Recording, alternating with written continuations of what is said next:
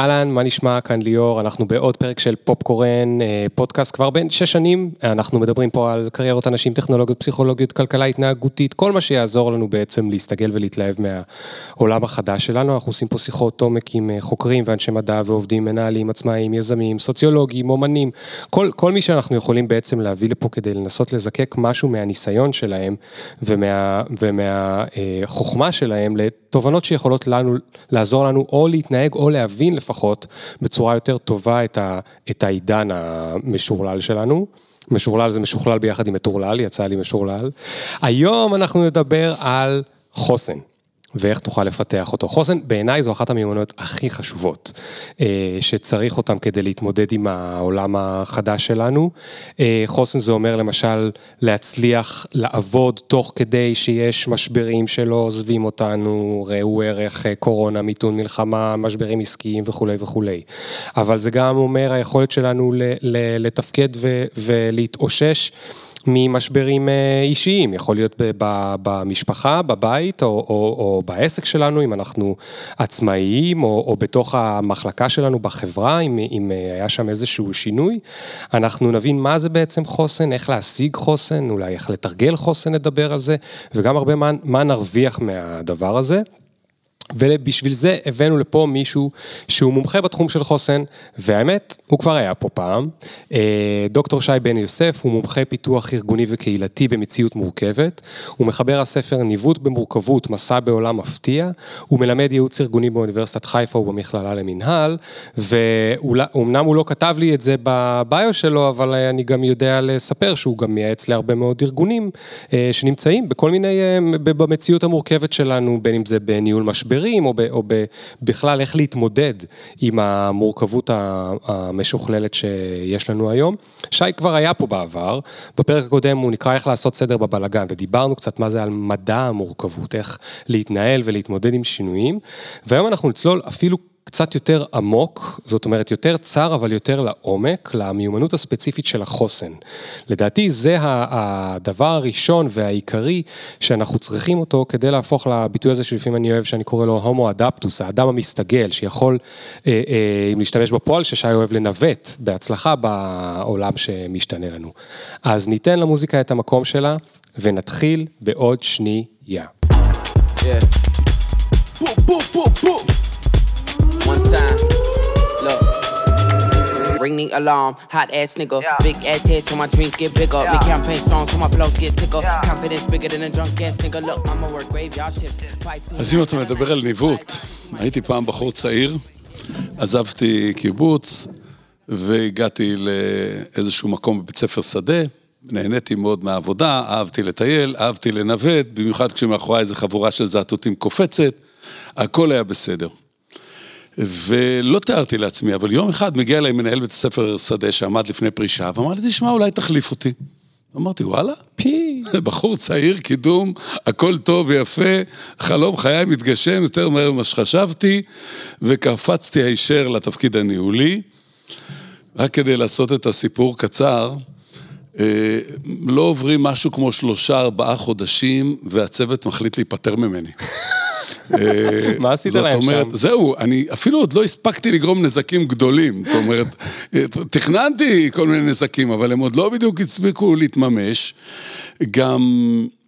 הם, אה, אני התניתי את הכניסה שלי לתפקיד בזה שהצוות הסכים לקבל אותי, כי כן. הכרתי אותם, הם כולם היו יותר בכירים ויותר ותיקים ממני.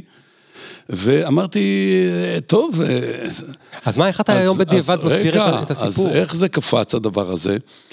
אני, כמו הרבה דברים בעולם מורכב, אנחנו לא תמיד יודעים לתת את כל ההסבר עד הסוף. ההסבר שאני נותן היום לעצמי זה שפשוט היה מישהו אחר, שהם נורא רצו שהוא ינהל, mm. והוא היה בחו"ל. והוא במפתיע הגיע. וכשהוא הגיע הם אמרו, סליחה, הבחור הצעיר הזה לא בדיוק אה, מתאים לנו. אני לא הבנתי, המערכת לא הבינה, אף אחד לא הבין, אבל זה קרה. ואני, אפילו המערכת אמרה לי, תשמע, אם אתה רוצה גיבוי ניתן לך, ואמרתי, לא, אם אין לי גיבוי של הצוות, אני לא יכול להמשיך. כן. אה, תגיד, בן כמה היית? רק כדי להגיד את ה... כמה הייתי? שאלה טובה. לדעתי, משהו כמו 25-26.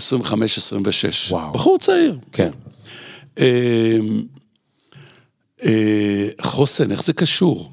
נשמע מאוד קשור. אני חושב שהאירוע הזה הוא אחד האירועים שהקפיצו לי את החיים לגובה. זאת אומרת, זו הייתה תחושה של סוף העולם. חלום, אנשים שהחזקתי מהם כחברים שלי, קריירה שנפתחת לפניי ונסגרת. ובדיעבד אני יכול להגיד היום, מבט לאחור, שזה פשוט היה אחד הבוסטים הכי גדולים. אני משם, הרבה ממה שאני עושה היום קרה בעקבות האירוע ההוא. כי, שוב, לא משנה כרגע, אבל המשכתי, מצאתי עבודה אחרת, המשכתי להתקדם בה, זה היה בכיוון המתנסים שעסקו בתחום הקהילתי, פיתח אותי מאוד לתחום הקהילתי, שאני היום, הרבה שנים אני גם בסיפור הזה. וזה יצר לי מקפצה לקריירה חדשה, כן. לא מתוכננת. לא ידעתי מה זה קהילתי, מה זה מתנ"ס, מה זה כלום, לבד לא הייתי מוצא את זה. אם הם לא היו נותנים לי את הבעיטה בתחת, לא הייתי מגיע לשם. אבל תגיד, איך הגעת... אנחנו מתחילים כאילו בינתיים רק לדגדג את החוסן, אבל תכף נגיע לעניין היותר מדעי, אבל... איך הגעת למקום הבא עם ביטחון עצמי? הרי אתה חטפת בעיטה בטוסיק. אני לא אדבר עליי, אני אדבר על מה עושה מנהלים. שמסוגלים לעמוד במציאות כזאת, זה שהם לא נבהלים. ושיש להם גמישות מחשבתית, ושהם אומרים, רגע, אבל... אם לא מהדלת אז מהחלון. אבל בגלל זה שאלתי אותך על הגיל, אתה אמרת גיל 25, מי בגיל 25 יש לו אה, את, ה, את היכולות האלה? אגב, זה קשור לגיל לדעתך, חוסן? אה, אני חושב ש... אני לא חושב שזה חשוב לגיל, זה קשור יותר לאופי. והאופי מתעצב לפעמים בגיל מאוד צעיר. Mm-hmm.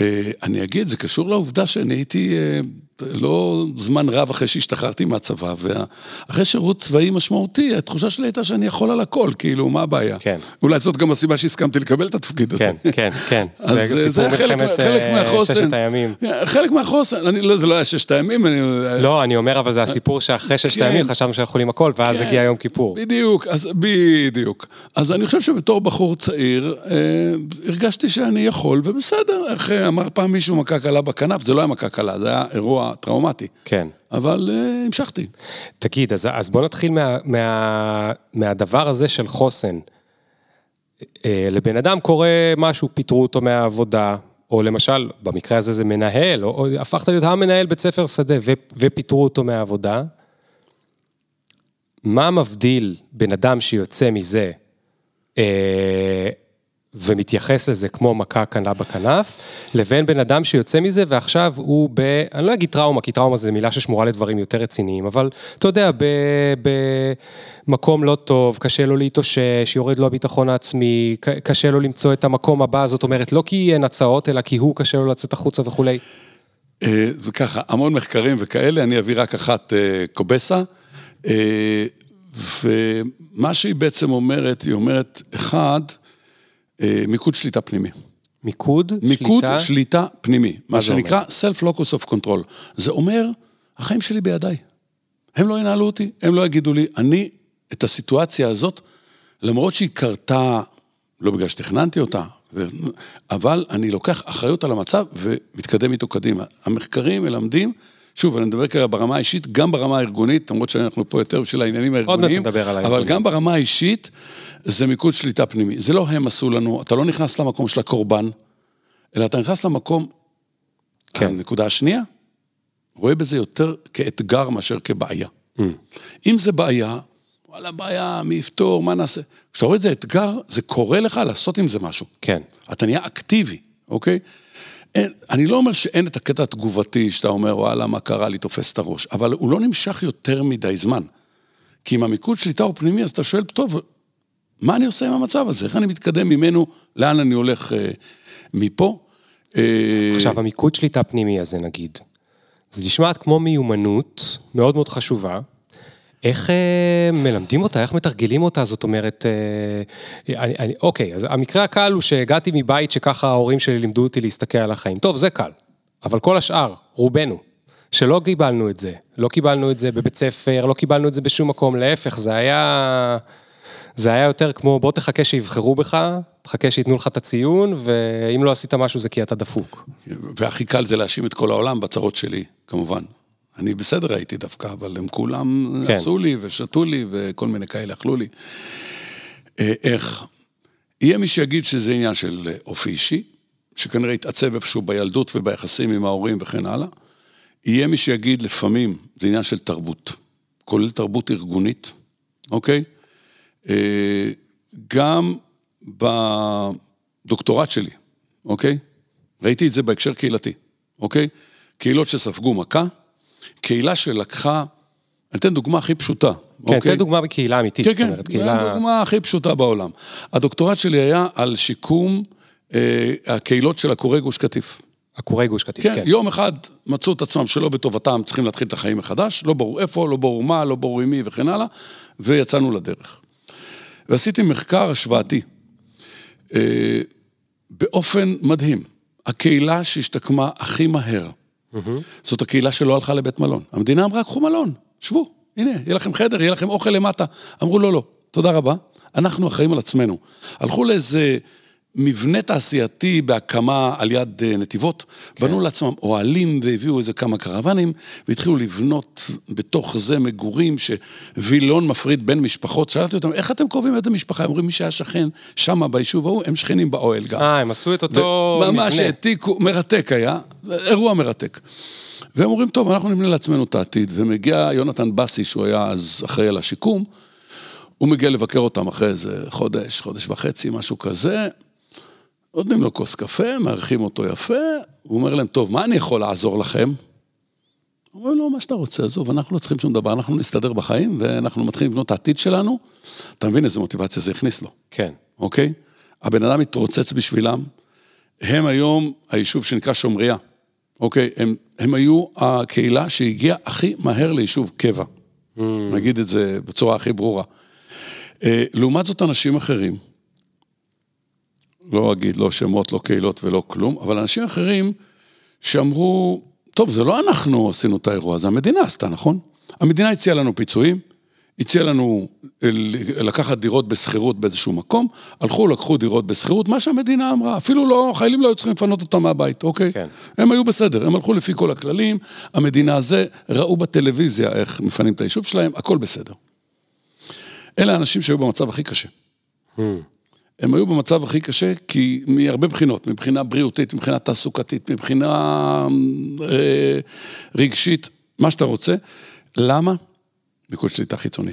המדינה עשתה לי, המדינה תציל אותי. כל הזמן פנייה למדינה שתסדר לי את העניינים. ואם הם לא סידרו, אז מי אשם? כן, הם. הם. פשוט אתה רואה את זה מול העיניים. אבל שאלת איך, אז אחד אמרתי תרבותי.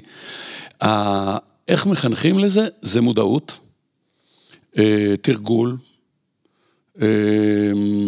אפשר לעבוד על זה. ולמה, בוא, בוא נדמיין רגע עכשיו שאנחנו בתוך ארגון. איזה דברים שארגון עושה, או צוות, או מנהל, מנהלת עושים, מעודדים תרבות כזאת, ואיזה אה, אה, ההפך, מרחיקים מתרבות כזו? יש איש בשם, אה, אה, נו, ברח לי השם שלו, דוב סיידל, כתב ספר שנקרא בשם איך זה הכל, תורגם לעברית, הוצאת מטר. והוא עושה הבחנה בין שלושה סוגי ארגונים. ארגון אחד נקרא ארגון צייתנות עיוורת. אדוני, באת לפה, תעשה מה שאומרים לך. יש, זה, זה החוזה בינינו, בסדר? כן. יפה. אני מקווה שאין הרבה כאלה, אבל אולי נשארו כמה. אילון מאסק עכשיו מנסה לבנות אחד כזה. אוקיי. הארגון מהסוג השני, קצת יותר מאפיין את התקופה, נקרא לזה המודרנית המקובלת, מה שנקרא הסכמה מודעת. יש חוזה, זה התפקיד שלך. אדוני, אנחנו מצפים ממך ל-1, 2, 3, 4, תמורת זה אתה יכול לצפות מאיתנו ל-2, 3, לא יודע מה, חוזה. זאת אומרת, מה שמסדיר, אבל, אבל יש ציפיות לשני הצדדים. ציפיות לשני הצדדים, אוקיי. ומה שאתה מסדיר בינינו זה חוזה. אוקיי. כמעט הייתי אומר קצת יחסי ספק-לקוח וכל מיני כאלה. אבל יש ארגונים מהסוג השלישי, וזה הארגונים שמשגשגים במאה ה-21. וזה הארגונים שהם יותר Self-Organized System, מה שדיברנו קודם, סטארט-אפ. כן. אנשים אומרים, אני לא באתי פה בשביל איזה חוזה, אני באתי לפה כי יש לנו איזה חלום משותף, אנחנו רוצים לעבוד עליו, אוקיי? זאת אומרת, זה כבר מעבר להסכמה מודעת. זה ארגונים שמייצרים drive אצל אנשים אה, לחוות את הארגון כאיזשהו מסע שלהם. זה לא האלה שבאתי לעבוד אצלם, זה אנחנו בדרך ל... כן. לא משנה לאן, כן. אוקיי? יש לנו שליחות משותפת. הסוג הזה של הארגונים הוא בטבעו מעודד מיקוד שליטה פנימי. כי אנחנו יודעים שהעולם כולו נגדנו, אבל כן. אנחנו פה בשביל השליחות הזאת. ולכן זה לא הם, זה אנחנו, ו... ואני, וכזה. תגיד, אתה עובד הרבה בתוך אה, ארגונים, הייתה לנו שיחה מאוד מעניינת על ארגון, אני לא אגיד את שמו, אה, אוקיי. אנחנו לא זה, לא נעשה, לא נעשה בעיות, למרות שאני לא חושב שזה היה עושה בעיות, אבל לא, לא, לא, לא, לא, כל דבר פה יכול להיכנס לפינות. לא נגיד את שמו, אבל דיברנו בהרחבה, זאת אומרת, אני מבין עד כמה אתה, כשאתה מסתובב בארגונים, עד כמה אתה אה, לומד להכיר את הארגון מבפנים ואת המבנה שלו וכולי. דיברת קצת על הארגון, בוא נרד רגע בשכבה למנהלים, או מנהלי מחלקות, או ראשי צוותים וכולי. איזה דבר שהם עושים יכול לעודד פיתוח של מיקוד שליטה עצמי, ואיזה דבר הפוך. תראה, אני, אני לא רוצה להתאפס רק לפינה של המיקוד שליטה עצמי, כי זה ממש, שאלת אותי על, על בן אדם, על מישהו כן. באופן אישי, איך כן. הוא, מה, מה מרכיבי החוסן הקריטיים. אז יאללה, אז בוא נמשיך הלאה. כשמסתכלים על ארגון, ומעמדת המנהל, אז זה לא רק איך לי יש את החוסן, אלא מה אני יכול לעשות בארגון, מה, מהמקום שלי, כדי שלארגון יהיה יותר חוסן. כן. אבל יש כאן עוד שאלה, סליחה שאני קצת מוליך אותך, אבל לא, אחר אתה תשאל מה שבא לך. אבל יש שאלה למה זה מעניין אותנו, עם כל הכבוד. אה... לא מעניין אותנו בכלל העניין של החוסן, עם כל הכבוד. למה הגענו לפה? טוב, אז זה אתה לא צריך לשאול אותי, אני כן, חתום לא, על זה, אני... בסדר. לא, אז אני אומר, למה בן אדם שמתעניין במורכבות פתאום מוצא את עצמו מתעסק עם חוסן והרבה? יפה. אוקיי? כן. כי העולם הוא עולם מפתיע. העולם החדש הזה שאנחנו מדברים עליו הוא עולם מפתיע, קשה לחזות. כשקשה לחזות, אז כנראה יבואו גם דברים פחות צפויים כן. ופחות רצויים, נגיד כן. את זה ככה. זה אחד. הדבר השני זה הקישוריות הגוברת. אוקיי? העובדה שכל דבר משפיע על כל דבר. הארגון ההוא שדיברנו עליו קודם, קצת תיארנו איך כל דבר משפיע שם על כל דבר. כן. ומעלה את כמות המשברים. כאשר כל דבר משפיע על כל דבר, אה, אז אתה פתאום במשהו שחשבת שאתה יודע מה משפיע עליו, פתאום אתה מקבל כל מיני השפעות ממקום אחר, שיוצרות לך בעיה שלא אתה יצרת אותה בכלל, זה פשוט הגיע מפינה אחרת אפילו בארגון עצמו. עוד נקודה מעניינת במשברים שאנחנו חווים בעולם, ותסתכלו על זה על 20 השנה האחרונות. מה שקורה, הלוקאלי הופך לגלובלי והופך ללוקאלי. זאת אומרת, איזה משהו קטן בסין, בגלל העובדה שהתקשורת והתחבורה והתזוזה של אנשים היא כזאת, פתאום הופך להיות עניין סיני ופתאום הופך להיות עניין עולמי, קורונה בדקה, אוקיי? עניין קטן שנקרא משבר הסאב פריים ב-2008, אוקיי? אנשים נותנים הלוואות בצורה לא אחראית. אבל אחד מהטריקים שלהם למתן ההלוואות היה לפזר סיכון. זאת אומרת, ההלוואות האלה, הם יכלו לתת הלוואה לבן אדם שהם יודעים שאין לו שום סיכוי להחזיר את ההלוואה, בגלל שאת הסיכון הם לא לקחו על עצמם, אלא על כל מיני קוני איגרות שמורכבות כן. מערימה של סיכונים, אני לא נכנס לזה כרגע. אבל התוצאה היא שכשאתה מחלק את הסיכון, הוא גם מתגלגל מאחד לשני לרוחב, לא רק לאורך, ואז הבעיה היא לא רק הבנק שלי, אלא כל אלה שקנו ממני כל מיני כן. איגרות חוב מפוקפקות. כן. אז אה, אז הלוקאלי הופך לגלובלי. חו"ל לאן שאתה רוצה. אבל רגע, מה זאת אומרת הגלובלי הופך ללוקאלי? עוד שנייה. אז עכשיו, יש כאלה הרבה, בסדר? אז אני לא, אני עוצר כרגע. קח את אה, פוטין. הייתה לו איזה בעיה עם אוקראינה. פתאום זה נהיה הבעיה של כולנו. כן. פתאום אה, מחיר הלבן עולה. כן. אוקיי? למה? כי פוטין פרש לאוקראינה, או אני לא יודע מה, פרות תן להם חיטה לאכול. איך זה הופך ללוקאלי? כי גם כשהבעיה היא גלובלית, ההתמודדות היא לוקאלית. זאת אומרת, אתה יכול להגיד לאנשים, פוטין אשם, אמרנו כן. קודם מיקוד שליטה חיצוני, נכון? אבל אותי בתור בן אדם שרוצה לקנות חלב, כן. פחות מעניין שפוטין אשם, יותר מעניין שעכשיו תנובה כן. העלתה לי את המחיר. כן. עכשיו השאלה, איך אני אגרום לתנובה לא להעלות לי את המחיר, היא כבר שאלה מקומית, mm. היא לא שאלה עולמית. כן. איך גרמניה תתמודד עם זה שעכשיו אין לה גז לחמם בברלין את הבתים, בדיוק. זה כבר פתרון של גרמניה או של אה, עיריית ברלין. זה אנשים צריכים לקנות קונבקטורים חשמליים, בגלל שמה לעשות, הגז עולה להם כנראה ביוקר לחמם. כן. ואז הפתרון הוא מאוד לוקאלי. ואז אנחנו מבינים בארגונים שלוקאלי של אחד הופך להיות במהירות. לגלובלי, ואצלי, עם כל הכבוד לכל העולם שמתמודד עם הבעיה, גם אני צריך להתמודד איתה בדרך שלי, אף אחד כן. אחר לא יפתור לי אותה. כן. אוקיי, אז איך זה, למה בגלל זה אנחנו צריכים חוסן? עכשיו, מה זה חוסן? אני, אני אגיד איזה מילה. למה אנחנו צריכים? כי זה פוגש אותנו הרבה. זאת אומרת, חוסן זה בעצם היכולת של הארגון, ושלנו כאנשים שעובדים בארגונים או עם ארגונים, אה, להתמודד איתם בהצלחה.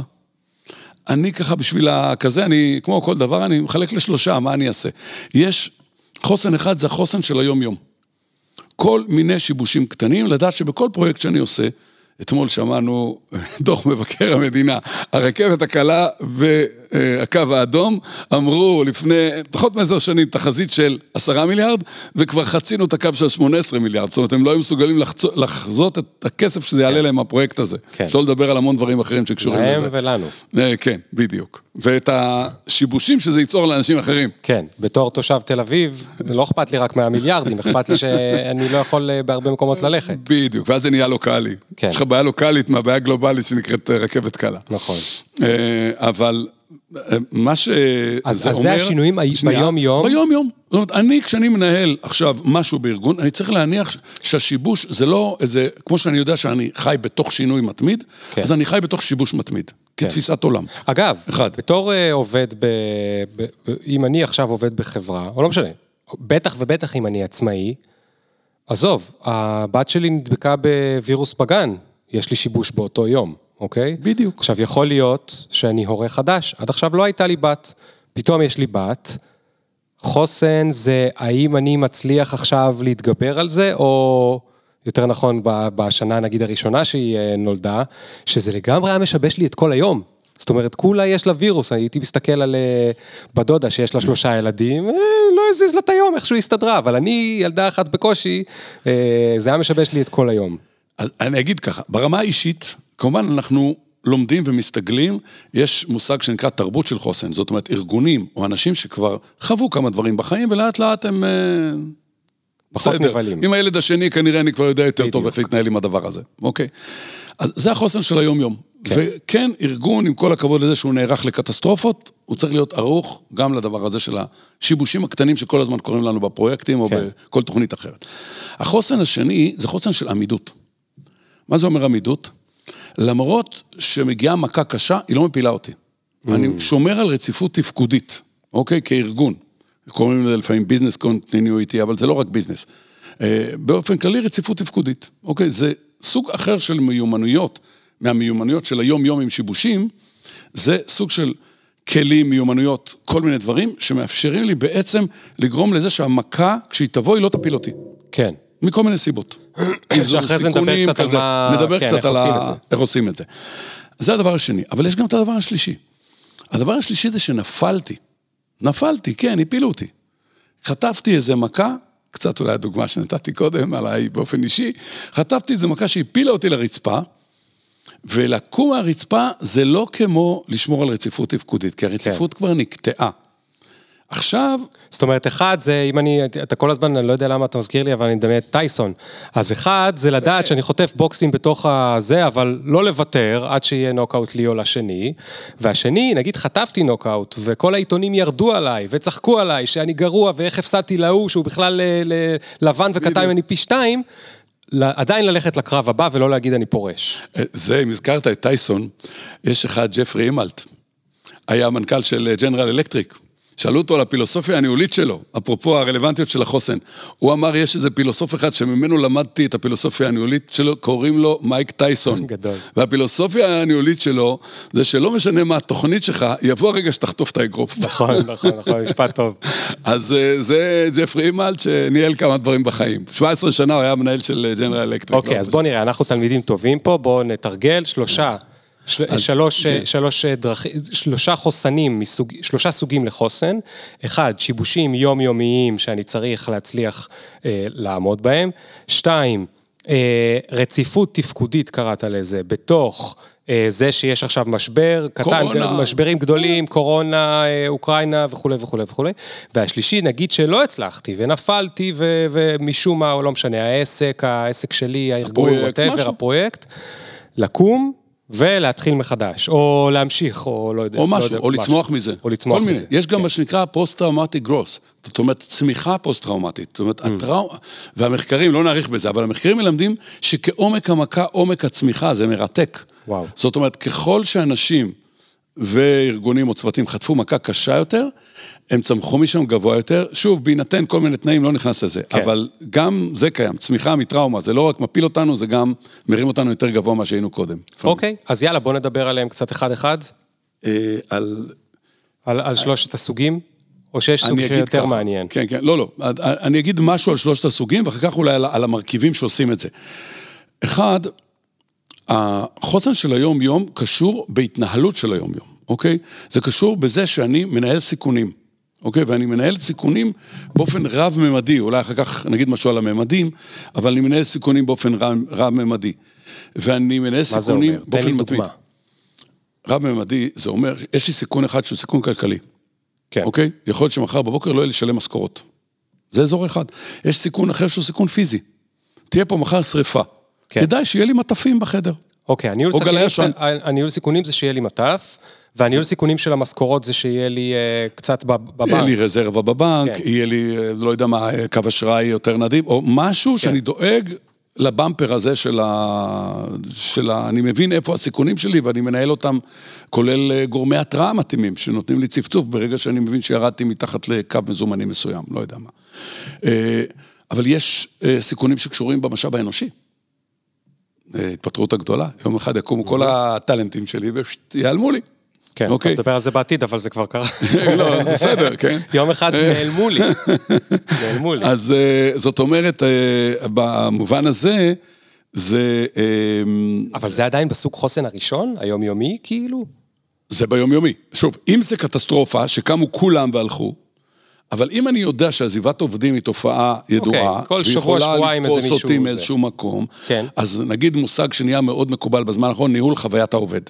כן. למה? כי הבינו שאתה, מה שחשבו משכורת זה לא הסיפור פה. ולכן ניהול חוויית העובד הוא אחד הדרכים להתמודד עם חוסן בהקשר הזה של המשאב האנושי. כן, אוקיי? כן. אמ, קח את זה ליכולת הארגונית של גמישות, של agility, אוקיי? זאת אומרת, אם אני ארגון תגובתי, שלוקח לו חצי שנה להגיב לכל אירוע שקרה לו, וקוראים לי כל הזמן אירועים, אז כנראה שאני כל הזמן ארדוף אחרי המציאות והיא תכה בי. אם אני לומד להיות אירוע, ארגון יותר יוזם, קשור למה שאמרנו קודם על המיקוד שליטה פנימי, כן. אה, מעגל התגובה שלי יותר קצר מבחינת הגמישות, כולל גמישות מחשבתית. מעגל התגובה זאת אומרת זמן התגובה? אה, זמן התגובה, כן. זאת אומרת, הדרך שהצלחתי לסגור מזה שהבנתי שיש לי בעיה ועד הרגע שהבאתי תשובה, mm, אוקיי? Okay. או הבאנו תשובה, או אני לא יודע מה. אה, כל מה שקשור לניהול הקשרים, אוקיי? מי שחושב שהוא עובד לבד, אז כנראה יהיו לו הרבה הפתעות מאנשים שמחזיקים בעניין שהוא כרגע עוסק בו. אבל אם אתה מתנהל מתוך מבט אל מחזיקי העניין שלך, למיניהם, לא משנה, לקוחות, ספקים, שותפים, עובדים, אז אתה מנהל את מחזיקי העניין. Mm. ואת המרחב, את השדה הזה שהם נמצאים בו, אז גם זה נושא. עוד נושא, אני זורק לך נושאים, מה אני אעשה? אבל לא, זה לא, ככה, זה רב-ממדי אמרנו, אני כן? אני עוקב, אני עוקב. יש אה, נושא שלם שנקרא, מה הסיפור שלנו? אוקיי, זה קצת קשור למה שאמרתי קודם, האם הסיפור שלנו זה חוזה, האם הסיפור שלנו זה צייתנות, או האם הסיפור שלנו... רגע, מה זה הסיפור שלנו? שלנו כארגון. שלנו כארגון. כן. אוקיי. ואיך אנחנו מספרים אותו לעצמנו ולאחרים. עכשיו, אפשר לבוא ולהגיד שהעניין של הסיפור הוא אה, קשור ללא יודע מה, יחסי ציבור וכזה, ותדמית וסיפורים. מה מחזיק את האיראנים, את האיראנים, את האוקראינים, מה יחזיק את האיראנים? זאת גם שאלה גדולה, כי נראה לי שהם סובלים, יש להם חוסן כנראה לציבור הזה שדורכים עליו כבר הרבה שנים. אבל האוקראינים, מול הרוסים, כמעט שנה. כן. מה מחזיק אותם? הסיפור שלהם. הסיפור, הדגל הזה. הסיפור. כן. אתה רואה אנשים בחרסון, יום לפני שהרוסים מגיעים לשם, יש לי כזה צילום, מניפים דגלים וחוגגים במרכז העיר את הזהות שלהם. וכמובן, יום אחרי, אין שאלה, מגיע זלנסקי וכולם חוגגים איתו. ומה שמחזיק את אוקראינה זה הסיפור. מי אנחנו? מה אנחנו? אנחנו מגנים על כל העולם המערבי, אנחנו חוגגים את העצמאות של אוקראינה עכשיו באמת וכאלה, כן. אוקיי? והסיפור מחזיק. ויקטור פרנקל אמר את זה בזמנו. הסיפור מחזיק, וחברה, ארגון שרוצה לעמוד בחוסן, הוא יכול לייצר לעצמו סיפור שמתחזק את החוסן. אנחנו לא נבהלים מכל uh, משאב רוח, אוקיי? כן, אנחנו כן. כאלה. אתן עוד דוגמה על ניהול סיפור, אוקיי? צ'רצ'יל. צ'רצ'יל אומר לאנגלים, בעיצומו של הקרב על בריטניה, אירוע שאף אחד לא יודע איך הוא ייגמר, נראה רע מאוד, בשארית כוחותיהם ובטיפונת עזרה אמריקאית, הם עומדים שם מול התקפות יומיומיות, והוא אומר לעם שלו, יבוא יום והם יגידו שאלה היו שעותינו היפות ביותר. מכיר את הציטוט הזה. זאת אומרת, הוא, הוא לא מסתכל רק על הסיפור של ההווה, כי אין לו כנראה הרבה תקווה לייצר מההווה, אבל הוא אומר, בעתיד, הפרק שאנחנו כותבים עכשיו בהיסטוריה של בריטניה, ייחשב לפרק הירואי. כן. בואו נהיה ראויים, בואו נהיה ראויים לזה. אז הוא כן. יוצר סיפור, כדי לייצר חוסן. כן. אז כן. זה גם הסיפור חשוב. וזה נורא חשוב מה שאמרת בהתחלה, זאת אומרת שסיפור זה לא בשביל ה-PR ויחסי ציבור, וגם ככה צריך להתייחס לזה. זאת אומרת, אם זה קשקוש בלבוש, אם זה חרטא, בולשיט, יש לי עוד כל מיני כינויים לדבר הזה, שאני מצייר איזה סיפור שזה בשביל העיתונות, אבל אני לא מאמין בו בתור אה, מנהיג, והחבר'ה שלי בצוות, או לא משנה, אפילו בתור עצמאי, אלה שעובדים איתי, הלקוחות שבחרו בי, לא מאמינים בו, אז עכשיו כל במפר קטן, כולם בורחים מהספינה. בוא אבל... נגיד שהחזון הגנרי הזה, שמישהו תלש מאיזה כמה מילים יפות ושם על הקיר, זה כן. לא מה שיחזיק אותם בארגון. זה לא יחזיק. אגב, מה כן עושים כדי להחזיק? זאת אומרת, מה אפשר לעשות חוץ, אז, אז לשים על הקיר זה לא מספיק, אבל מה עוד אפשר לעשות כדי אה, אה, לייצר את הסיפור הזה, אם נכנסנו לנקודה הזאת?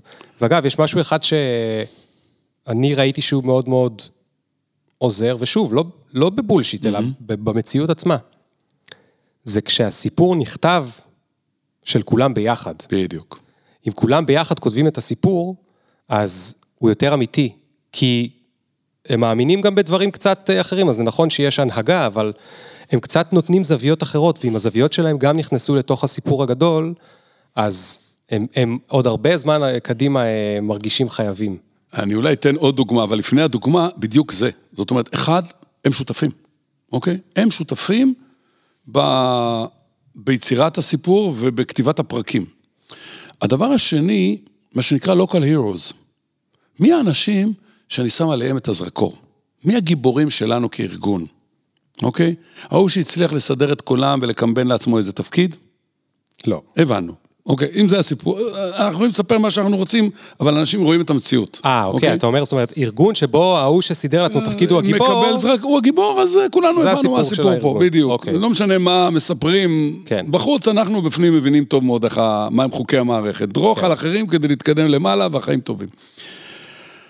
כאשר ארגון שואל את עצמו, מי הם הגיבורים? מי הם האנשים שאני אומר לעובדים שלי, זה, אתה רואה? כזאת, היא. זה המודל שלנו. למה? כי היא זה וזה וגם וגם, וכולנו מבינים מה הסיפור. אז ממש לטפח את העניין הזה של ה-local heroes. אה, לא, עזוב, לא, לא ניכנס לזה יותר מדי, אבל אמרתי local heroes, אוקיי? זה דבר נוסף. אמרנו, לכתוב את זה ביחד, אוקיי? אה, סיפור צריך לרגש. למה הסיפורים תופסים אותנו? כי יש בהם יותר מאשר מילים, יש בהם רווח בין המילים, אוקיי? עכשיו, אם אתה לא מתלהב מהמשפט הזה שאתה מדקלם בתור חזון, אז מה הסיפור שלך? אז איכשהו זה צריך לדבר לאנשים גם לבטן. יש איש בשם, אה, בשם אה, אוטו שרמר, תיאוריה יו, אתה מכיר? תיאוריה מה? תיאוריה יו. מה זה אומר? Theory U זה סיפור ארוך, אבל אני אגיד רק קצה אחד שלה, בסדר? Theory U זאת אחת הדרכים להתנהל בתוך עולם מפתיע, כפי שאנחנו מכירים אותו, אוקיי? אבל אוטו שרמר אומר, יש דרך שהסיפור עושה, בסדר? אני מפשט לך את זה הכי שאני יכול. יש מה שנקרא downloading. כולם אומרים את מה שהם רגילים להגיד, ושמים, מורידים את מה שהם רגילים לשים על השולחן, אוקיי? איפה אומרים? למי אומרים? עכשיו, אצלנו בארגון, כולם מדקלמים איזה דקלום, שואלים אותם מה הארגון הזה, מה החלום שלנו, מה זה, כל מיני מנהלים וכאלה, שמים על השולחן איזה משהו שכולם רגילים. השלב הבא זה open mind. זאת אומרת, כשאתה אומר משהו שאתה באמת מאמין בו, אוקיי? Mm. והוא אמיתי, כמנהל. אתה רוצה שהעובדים שלך יאמינו בזה? קודם כל תאמין בזה אתה. אל תמכור להם דקלומים שכתב לך מישהו, אני לא יודע מה. אבל זה לא מספיק. השלב השלישי זה מה שנקרא open heart. דבר לא רק אל ה mind, אלא רד קומה אחת למטה לעומק, ותדבר מלב אל לב. וכשאנשים מביאים את הלב שלהם לעבודה, פתאום הוא עושה חיבורים מדהימים. Mm. והדבר הזה יש לו עוד שלב, עוד יותר עמוק, שנקרא open will. מכאן נפתח הרצון. זאת אומרת, לא מספיק שאתה אומר להם מה חשוב בחיים ולמה זה כל כך מרגש אותי, אלא אוקיי, מה נעשה כדי שזה יקרה? Mm. אוקיי? ואנחנו, כולנו, אנחנו כותבים את הסיפור כל הזמן במה שאנחנו עושים. זאת אומרת, זה לא סיפור שמישהו כתב עלינו, אלא כשאנחנו, זה קורה לנו לכתוב את, הפרק הבא.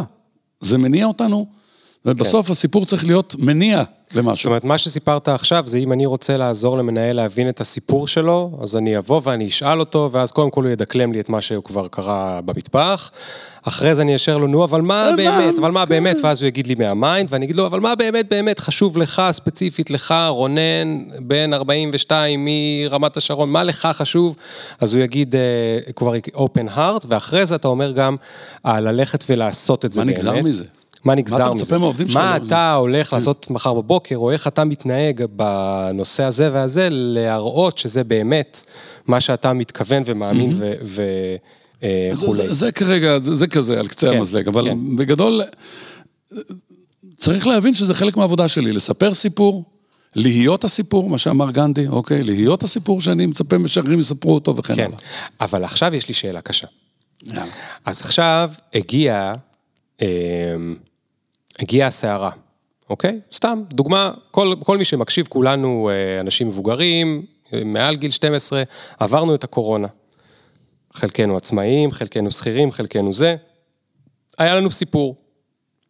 עכשיו באה הקורונה. טלטלה את כולם, טלטלה את כולם, והיה ממש קל לראות איפה יש חוסן ואיפה לא. ממש, זה היה מאוד בולט. ממש. זה היה ממש, זה היה ממש בולט. עכשיו, מקומות שהיה סיפור טוב, היה יותר חוסן. כי הם אמרו, אוקיי, אולי זה לא הלך, נזיז את זה קצת ימינה, זה עדיין אנחנו. אנחנו מזיזים קצת את ה business model, מזיזים קצת את הזה, מזיזים, אבל זה עדיין אנחנו, אנחנו מרגישים אותו, אותו, אותו דבר, אתה יודע, כל מיני חבר'ה שהפכו מ offline ל online, מ online לזה, מטה טה טה טה טה טה. המציאו את עצמם מחדש. המציאו את עצמם מחדש, אבל הסיפור נשאר אותו זה. ואיפה השאלה, רגע, אתה רוצה, לא, להתנשם, כי אתה עברת שם כנראה גם כיועץ כן, אוקיי, ניהול משברים, עברת שם הרבה דברים, רגע, אני אגיע רק לשאלה הקשה. לפעמים, אה, כדי להתמודד עם המשבר, היה צריך לשבור את הסיפור. זאת אומרת, כדי שה... שהעסק שלי, נגיד היה איזה מישהו והוא, אה, והוא אה, נגיד הוא מפיק, אה, אני אקח בכוונה משהו לא של ארגונים, אוקיי? כדי שזה יהיה יותר קליל. הוא מפיק אירועים. מפיק אירועים מדהים וזה וזה וזה וזה. באה הקורונה, סגרו, אין אירועים. אין אירועים. עכשיו הוא, איך לפני זה הוא היה מפיק אירועים טוב? כי היה לו סיפור, איך מאז שהוא היה קטן ובצבא נתנו לו להיות, והוא היה בזה ופה ובזה, והיה לו סיפור שלם, והוא סיפר את זה לעצמו, הוא סיפר את זה ללקוחות, ואהבו את זה, וכל פעם שהיו טלטלות, גם אם היה קשה, הוא החזיק, כי הוא אמר לעצמו, זה הזהות שלי, אני מפיק אירועים, לכן קל לי זה. פתאום באה הקורונה, וזה משבר שבה הסיפור שלו לא מחזיק כבר. ככה, וואלה. אה, א', יש לי דוגמאות ממש מזה, מהעולם הזה של ההפקות. מדהים. אה, ועוד מכל מיני מקומות אחרים. אני אומר ביושר, אה, אני מלמד קורס על סמינר, על חוסן ארגוני, ואז החבר'ה חוקרים כל מיני דברים, ועולים משם דברים מרתקים, וחלק זה לא ממני, איפה אתה מלמד? במקרה הזה, מכללה למינהל. מדהים. ככה.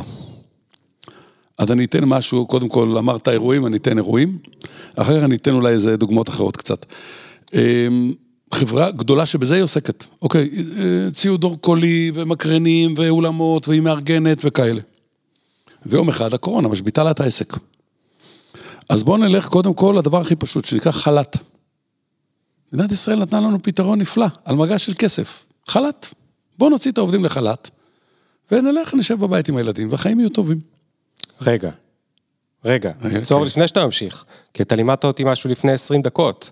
אולי זה לא רעיון טוב. או, יפה. נכון? כמו בהתנחלות. בדיוק.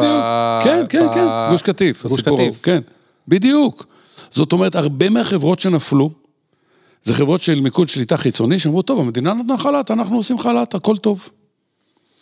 בחברה הספציפית הזאת, לא שלא עשו חל"ת, אבל הם השתמשו בחל"ת באופן מושכל למטרותיהם, לא למטרות המדינה. זאת אומרת, הם אמרו, אני אוציא לחל"ת רק את אלה שאני יודע שהם ירוויחו מהחל"ת וזה וזה, מבחינתי ממשיכים להיות עובדים. אני לא מצ... דורש מהם עבודה, אבל אני מתחזק איתם קשר, שואל מה שלומם, הכל בסדר, למה? כי העובד חשוב לי. אבל החל"ת זה לא מספיק. מה אני עושה בתוך האירוע. ומהר מאוד כמובן עברו להפקה של אה, כנסים, התוועדויות וכל כיוצא בזה במרחב הדיגיטלי, mm. אוקיי? לקחו את המיומנות, את קשרי הלקוחות שהיו להם, כי גם ללקוחות שלהם יש בעיה. כי הלקוחות שלהם גם רוצים לעשות כן. אירועים וזה וזה, רק שאין להם דרך. כן. אז הם, קודם כל, הם אימצו מהר מאוד, אמרנו אג'יליות וכאלה, מהר מאוד הם ימצאו טכנולוגיה שמאפשרת להם לעבוד גם במרחב הדיגיטלי. לקחו את העובדים שלהם ועזרו להם להיות אלה. הם לא לקחו טכנולוגיה יחד עם עובדים ואמרו לעובדים תודה רבה חל"ת. אמרו, אנחנו משפחה, אנחנו דואגים אחד לשני. יותר מזה, הם הכניסו גמישות ניהולית בהקשר של העובדים.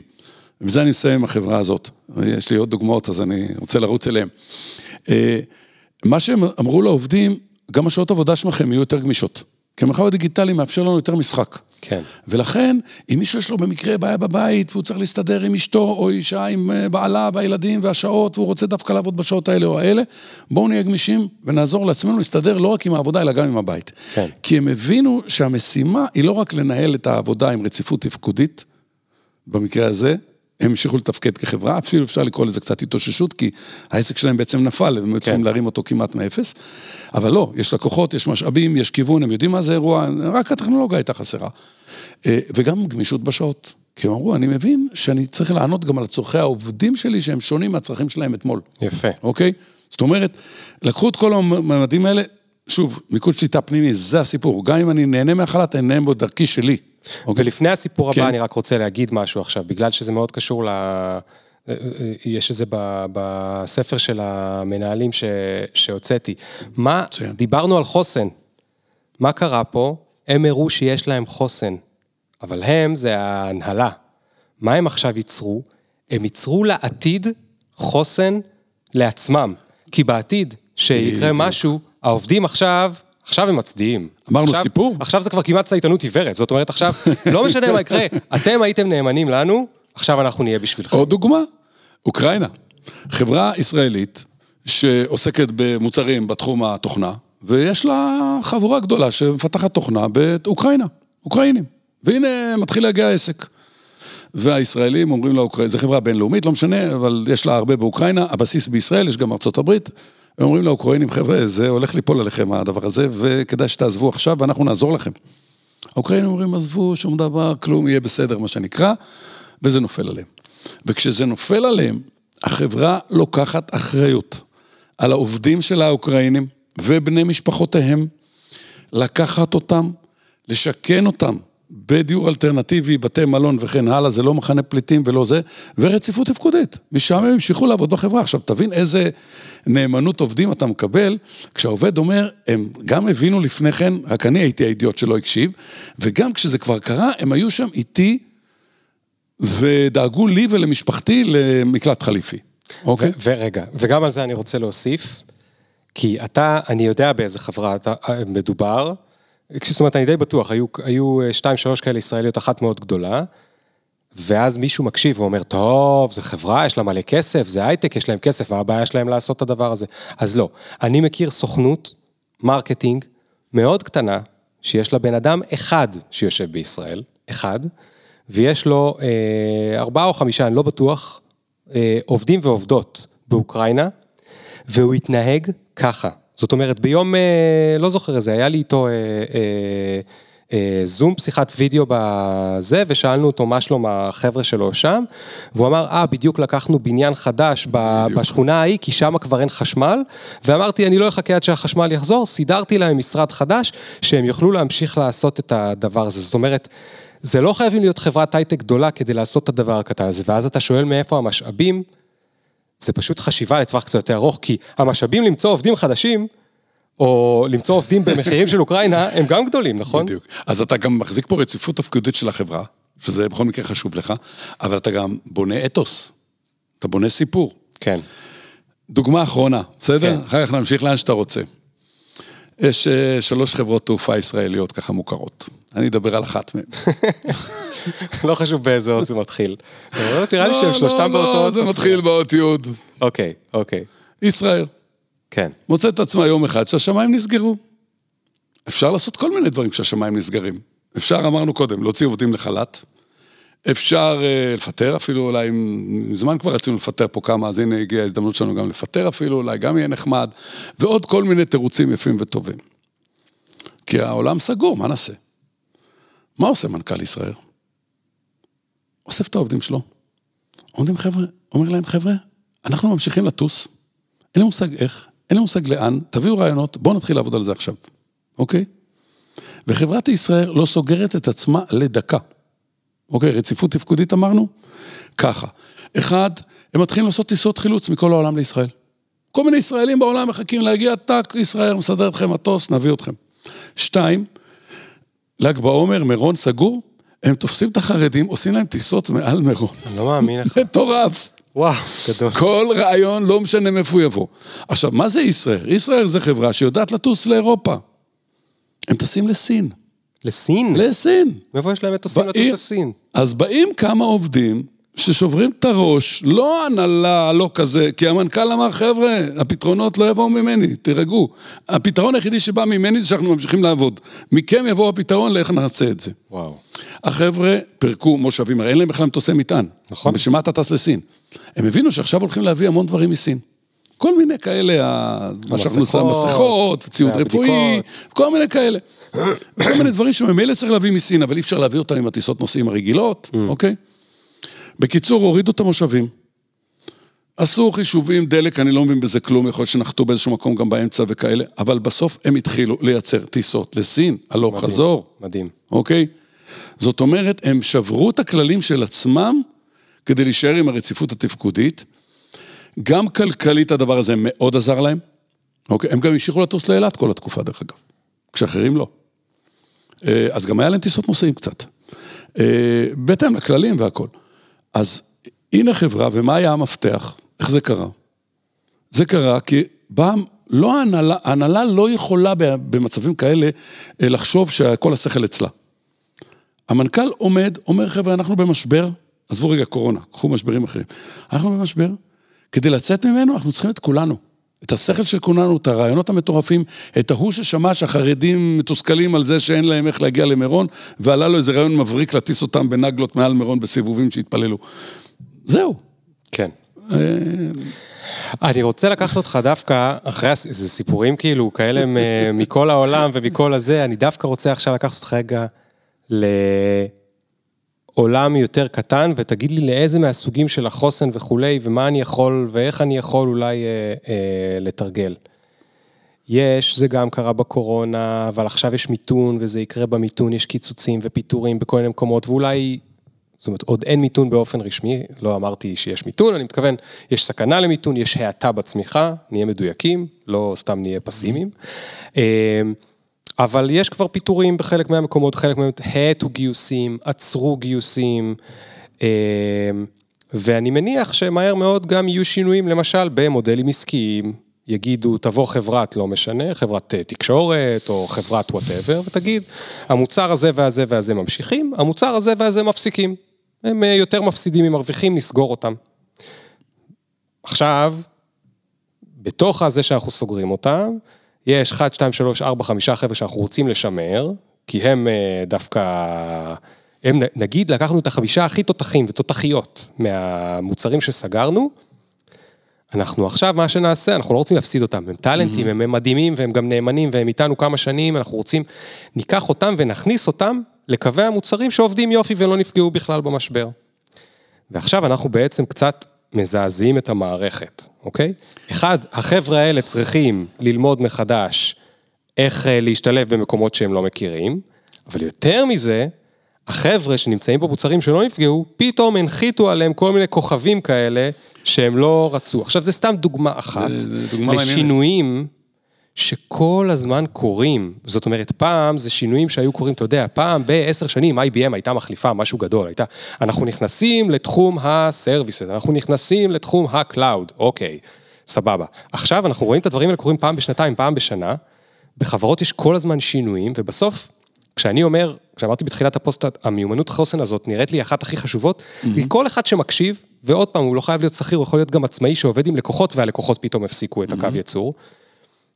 איך אני מפתח את הדבר הזה, נחזור רגע לבייסיק, חוץ מהמיקוד, שליטה עצמי וזה, איזה עוד דברים אני יכול לעשות כדי לפתח אצלי את, הח, את, ה, את החוסן שאני לא... אז ככה, אני עוד תקוע בדוגמה שנתת עם השאלה, אוקיי? אז אני טיפונת תלך לשם, אחר כך לשאלה השנייה. אין בעיה. אחד... זאת אומרת, בדוגמה עם הכוכבים שעכשיו מכניסים אותם למוצרים שלהם. בדוגמה עם הכוכבים שהכניסו אותם למקום אחר. כן. אחד, ממש טוב לא לפתור בעיה אחרת, אחת באמצעות יצירת בעיה אחרת, אוקיי? מה זאת אומרת? זאת אומרת, אם אני אעבוד בשיטות האלה של top down, ואנחנו יודעים, וההנהלה פה תקבע, אני לא אומר שלא צריך לעשות את זה לפעמים, ולפעמים בתוך מציאות אה, מורכבת, במצבי אה, סיכון מסוימים, ההנהלה צריכה לקבל החלטות, מה שנקרא bold, החלטות קריטיות, נועזות. של צל"ש או טר"ש. אז אני לא נגד עצם העניין. אבל אם יש לי את הפריבילגיה להחליט שאלה אולי יבואו לפה ויעשו ככה, אה, אני הייתי עושה את זה ביחד איתם. הדוגמה הזאת שנתתי קודם, ישראל, כן. הייתי אומר לחבר'ה של המוצר העובד, הייתי אומר, חבר'ה, יש לכם עכשיו תגבורת מדהימה, אנשים מופלאים, מה אתם עושים איתם? איך תכניסו אותם הכי טוב? הייתי אומר למופלאים האלה, תשמעו, אני רוצה אתכם בארגון.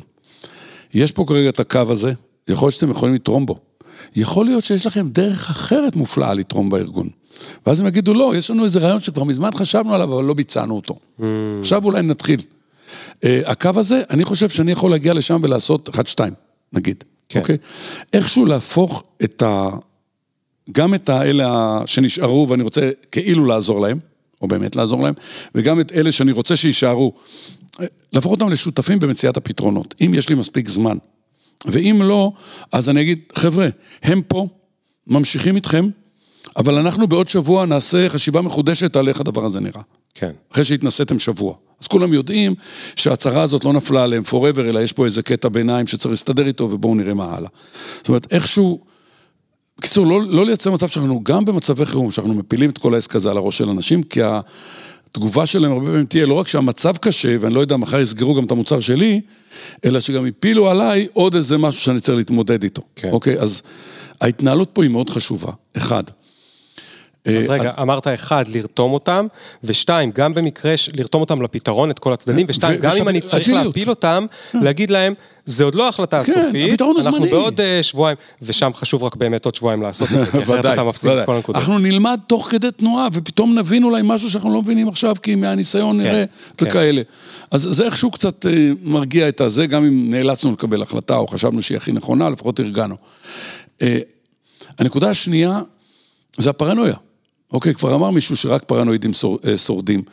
אה, הידיעה, יש מחקר של רבס ולוין, עוד לפני הקורונה ולפני הכל, על הקצב המטורף שנסגרות חברות, הם עשו מחקר על לאורך איזה 30 שנה או 50 שנה של סגירת חברות בורסאיות בארצות הברית, והם גילו שקצב הסגירה הרבה יותר מהיר, חברה ששורדת 6 שנים זה נס, כן. היום. הוא הולך וגדל, זאת אומרת. כן, זאת אומרת, קצב הסגירה, הסגירה גדל, זה אומר שאורך החיים קטן. הממוצע. כן, כן, כן. כן. אה, להחזיק חברה, היום חברה, אנחנו פעם חשבנו שארגון הוא נצחי ואנשים הם מתחלפים. פתאום הסתבר לנו שהארגונים הם מאוד מאוד זמניים, ואנשים יש להם תוחלת חיים הרבה יותר ארוכה מהארגונים שלהם. אז, אה, אז במובן הזה של לדעת את זה, אוקיי? זאת אומרת, לא לפנטז שהכל 20 שנה יהיה בסדר וכאלה.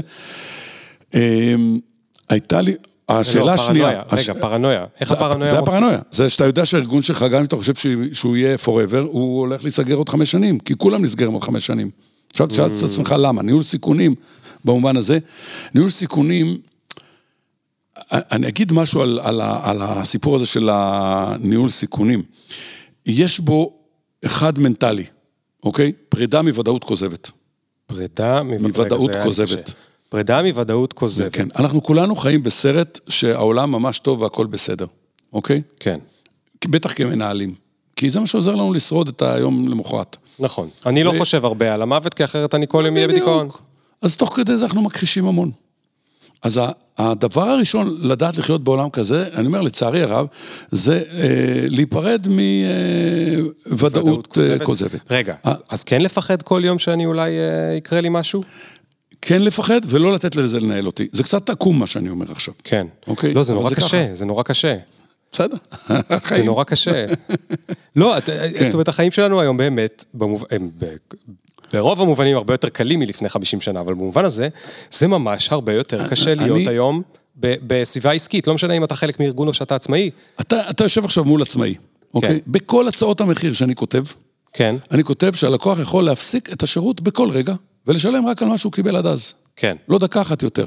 זה לא אתה אומר לו, תשמע, הזמנת 50 אלף, מה פתאום עצרת אחרי 20 אלף, מה קרה לך, ובואו נלך לריב. לא, אני לא רב עם אף אחד. אני אומר להם מראש, ואני יודע שהזמן שלי מוגבל לכל זמן שהם יהיו מבסוטים. Mm. בשנייה שהם לא יהיו מבסוטים, ממש בכיף, אני ממשיך הלאה לדרכי. כן. אבל אנחנו בני אדם, אנחנו רוצים ודאות. אה, כן, בסדר. אז אה, לייצר איים של ודאות, זה חלק מהסיפור. אה, בתוך המרחב של האי-ודאות, לייצר איים של ודאות, כולל היחסים האלה, שזה סוג של ודאות, כולל הסיפור הזה שהוא יוצר סוג רגע, של ודאות. רגע, איזה יחסים? מה זה היחסים האלה? היחסים, אתה דיברת, דיברנו קודם על חברה שגרמה לזה שהעובדים התאהבו בה. אה, אוקיי? אוקיי, מערכות יחסים ארוכות כן. טווח. עכשיו, אני אגיד לך ככה, זה נושא שלא דיברנו עליו בכלל והוא חשוב להבנה. כשאנחנו מדברים על יחסים.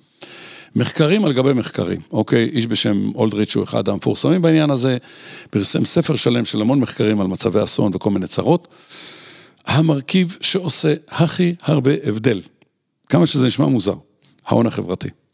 אוקיי? הכי הרבה הבדל במה? ביכולת של ארגונים לשרוד משברים. כן. ולשגשג. הון חברתי. אוקיי, מה זה אומר הון חברתי? אני אגיד מילה על ההון חברתי. בכלל, אנחנו מדברים, אפרופו כזה, אנחנו מדברים על חמישה סוגי הון בכל הנושא של ניהול אה, סיכונים וניהול משברים וכל הדבר הזה. אבל זה אחד מהם והוא כנראה הכי חשוב. הון חברתי, יש לו היבט כמותי ויש לו היבט איכותני. אוקיי? ההיבט האיכותי זה רמת האמון. הון חברתי זה אומר, האם יש לי אמון באנשים האלה? מי אוקיי? שלידי.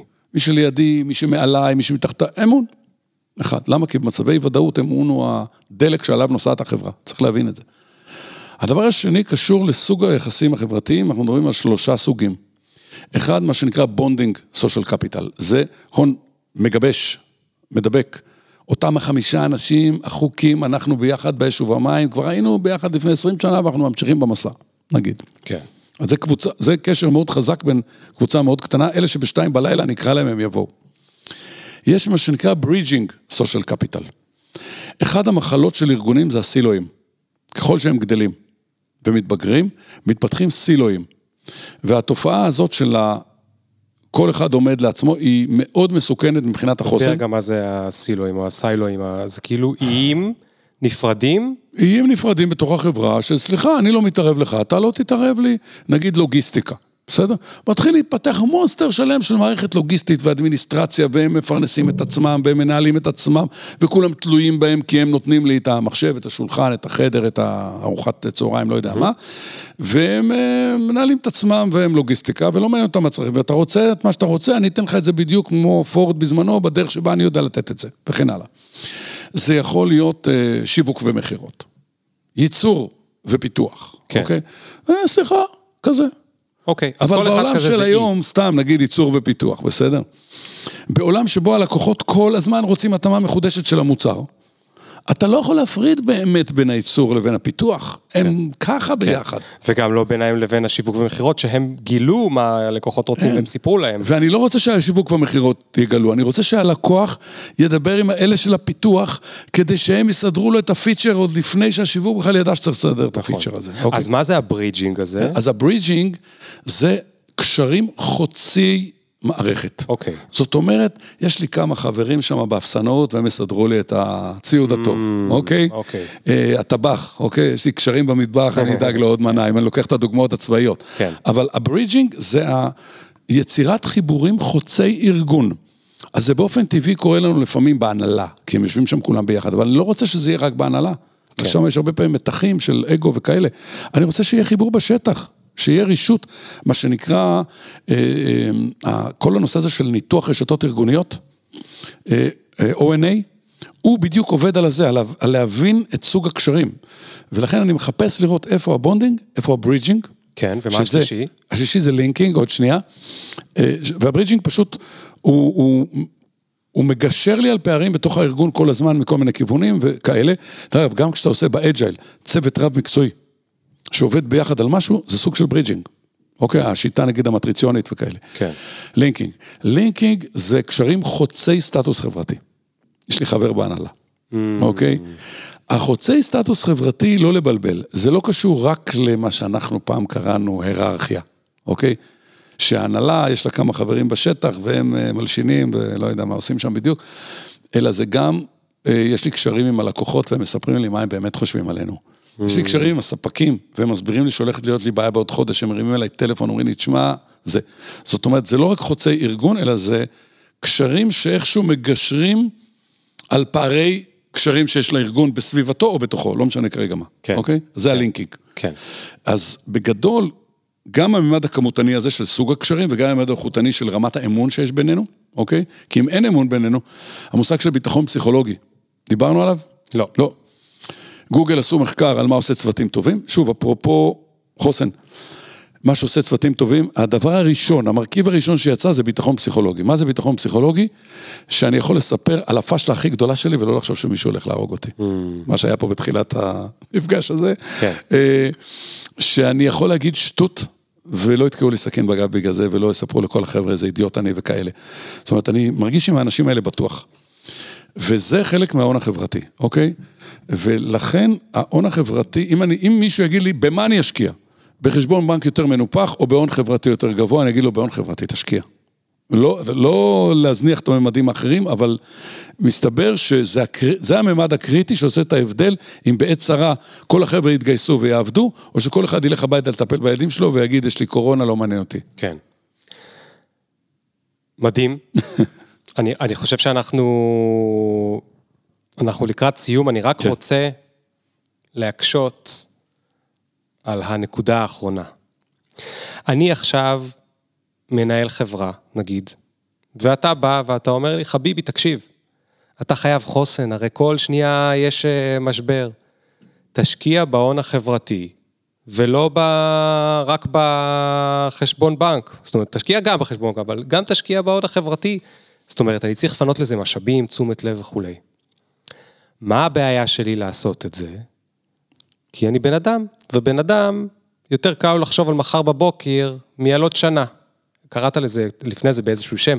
אני חי בסרט, כן. אה, קראת לזה הוודאות הכוזבת. הכוזבת. לחיות בסרט. אני חי בסרט שעוד שנה יהיה בסדר. ואתה בא ואתה אומר לי, ואני אומר לך, כן, אבל... ואגב, גם על זה יש איזה מחקר שאני לא זוכר, בניגוד אליך, אני לא זוכר את כל השמות של החוקרים גם אני לא. זה, אבל אני לא זוכר, אבל שהוא מראה כמה מהר אנחנו שוכחים שהיה משבר ברגע שאנחנו חוזרים לנקודת האיזון. אז חזרנו לנקודת האיזון, ולא משנה שלפני שנה היה קורונה וכולנו היינו בטלטלה, עכשיו, אה, הכל בסדר, הכל זה, וואלה, גם הממשלה תשתנה, אנחנו נעמוד בזה וזה, נעמוד בזה, נעמוד בזה, ועוד פעם, אני לא משקיע בהון החברתי. יש לך איזשהו, לעזור לי, תשכנע אותי, פסיכולוגית, לא פסיכולוגית, וואטאבר, כדי להבין כמה זה חשוב לי לה, לה, להשקיע בדבר הזה, כי אני אגיד לך, אתה יודע מה, אני אספר פה רגע סיפור אישי. אני כן, כן. עברתי מלהיות בן אדם שהיה פחות משקיע בדבר הזה, בתור מנהל, אוקיי? Mm-hmm. זה סיפור בתור מנהל. אני הייתי מנהל שהוא מאוד אכפת לו מאפקטיביות, פרודקטיביות, שורת רווח, לאו דווקא במובן של הכסף, כי הייתי בצדדים הטכניים והטכנולוגיים ולא של, ה, של הדולרים, אבל בצדדים הטכנולוגיים, זאת אומרת, אה, יעילות, אפקטיביות, אה, בוא, בוא נראה איך מדלברים את מה שצריך בזמן וזה וזה וזה. עכשיו, שיחות חברתיות וכל הדברים האלה זה בונוס שדוחים אותו ודוחים אותו ודוחים אותו ודוחים אותו. ועברתי, אחרי אה, הרבה, מה שנקרא, סתירות מהמציאות, למקום שאני מבין שצריך להשקיע בדברים האלה, אחרת אני אחטוף אה, אה, עוד סתירה. אבל תחשוב שאתה פוגש אותי עכשיו לפני 20 שנה ואני מנהל צעיר או משהו כזה, איך אתה עוזר לי להבין את החשיבות של זה? אחד, אני שופך עליך את כל המחקרים האלה והאלה, בסדר? יופי. זה אחד.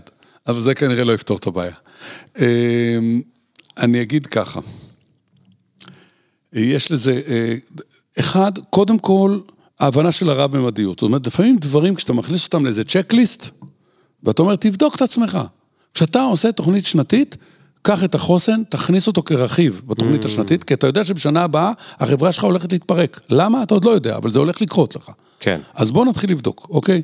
מטפים יש, ממ"ד יש, אה, מספיק כסף בחשבון יש, זאת אומרת, כל חמשת הפרמטרים של ההון, אני לא אכנס כן. אליהם כרגע, ואז אתה הופך את זה למשהו שהוא חלק מצ'קליסט.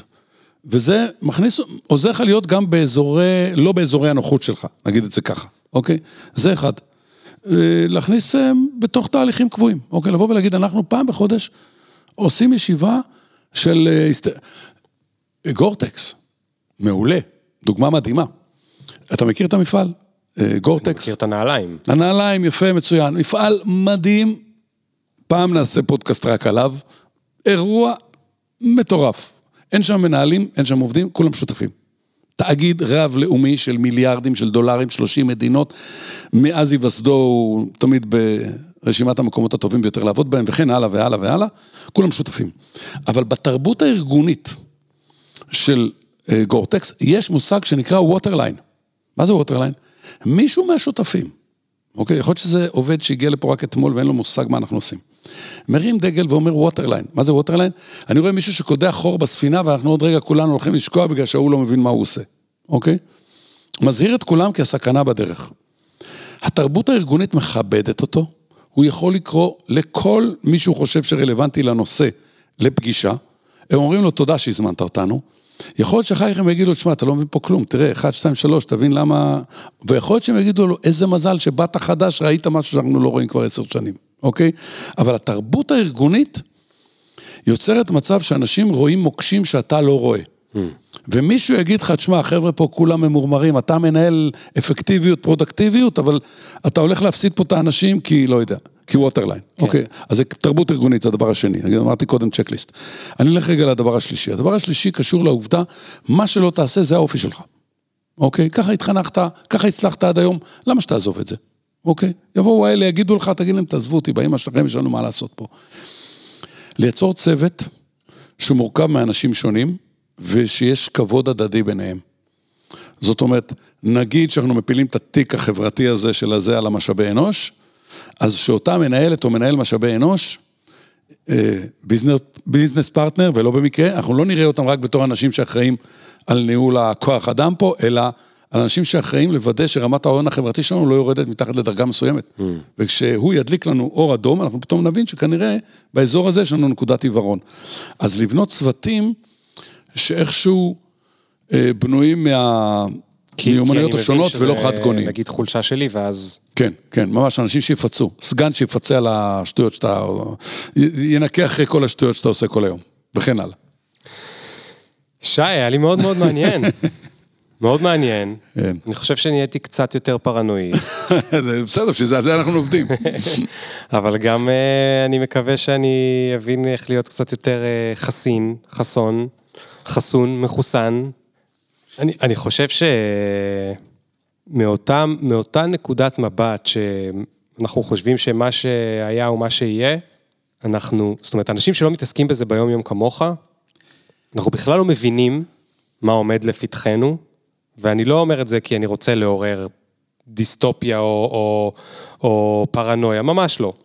אלא מתוך רמה של באמת אה, הסתכלות למציאות בעיניים, המציאות מסתבכת והולכת. זה, שמע, זה יכול להיות משחקי, רק אגיד מילה, אנחנו בסיום, אבל קודם כל, זה בסדר. זאת אומרת, שוב, אני עובד בזה, ואשמח לעבוד עם אנשים, מי שצריך את זה, אבל אחת השיטות, למשל, שאני הבאת, נקראת על הדבש ועל העוקץ. מה זה אומר? אנחנו רגילים תמיד לפנטז רק את הצד הטוב. מה החזון שלנו, מה הייעוד שלנו, מה המטרות שלנו, הכל הולך לכיוון החיובי, וזה בסדר, על הכיפאק. אבל תחשוב על ארגון שמפנטז גם את הדבר הרע. אנחנו נפגשים פה עוד שלוש שנים, הרסנו את הארגון הזה, חיסלנו אותו במו ידינו. כן. מה עשינו כדי לדפוק את העסק? עכשיו, כשאתה מושיב אנשים והם חושבים לזה, א', תתפלא כמה שהם מבסוטים.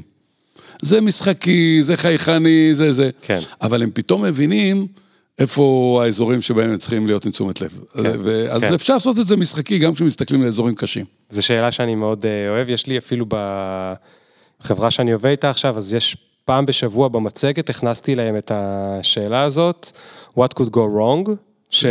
שיענו, ובאמת יהיה מעניין לראות האם הם יותר יענו על עצמם, או שזאת תהיה השאלה שבה כולם יצטרפו לעזור להם להבין מה אצלם, כל אחד אצל השני. אז לכן אני מעדיף לשאול, איך אנחנו במו ידינו הצלחנו להחריב, להחריב את החברה. כן. זאת אומרת, כן. מה עשינו כל כך טוב שהצלחנו להרוס את העסק? הבנתי. תודה רבה רבה, דוקטור שי בן יוסף, היה כיף, פרק שני שאתה פה, ואולי עוד אה, בעתיד נבוא לדבר על עוד משהו אה, זה. תודה רבה. יאללה ביי. כיף, שמחתי.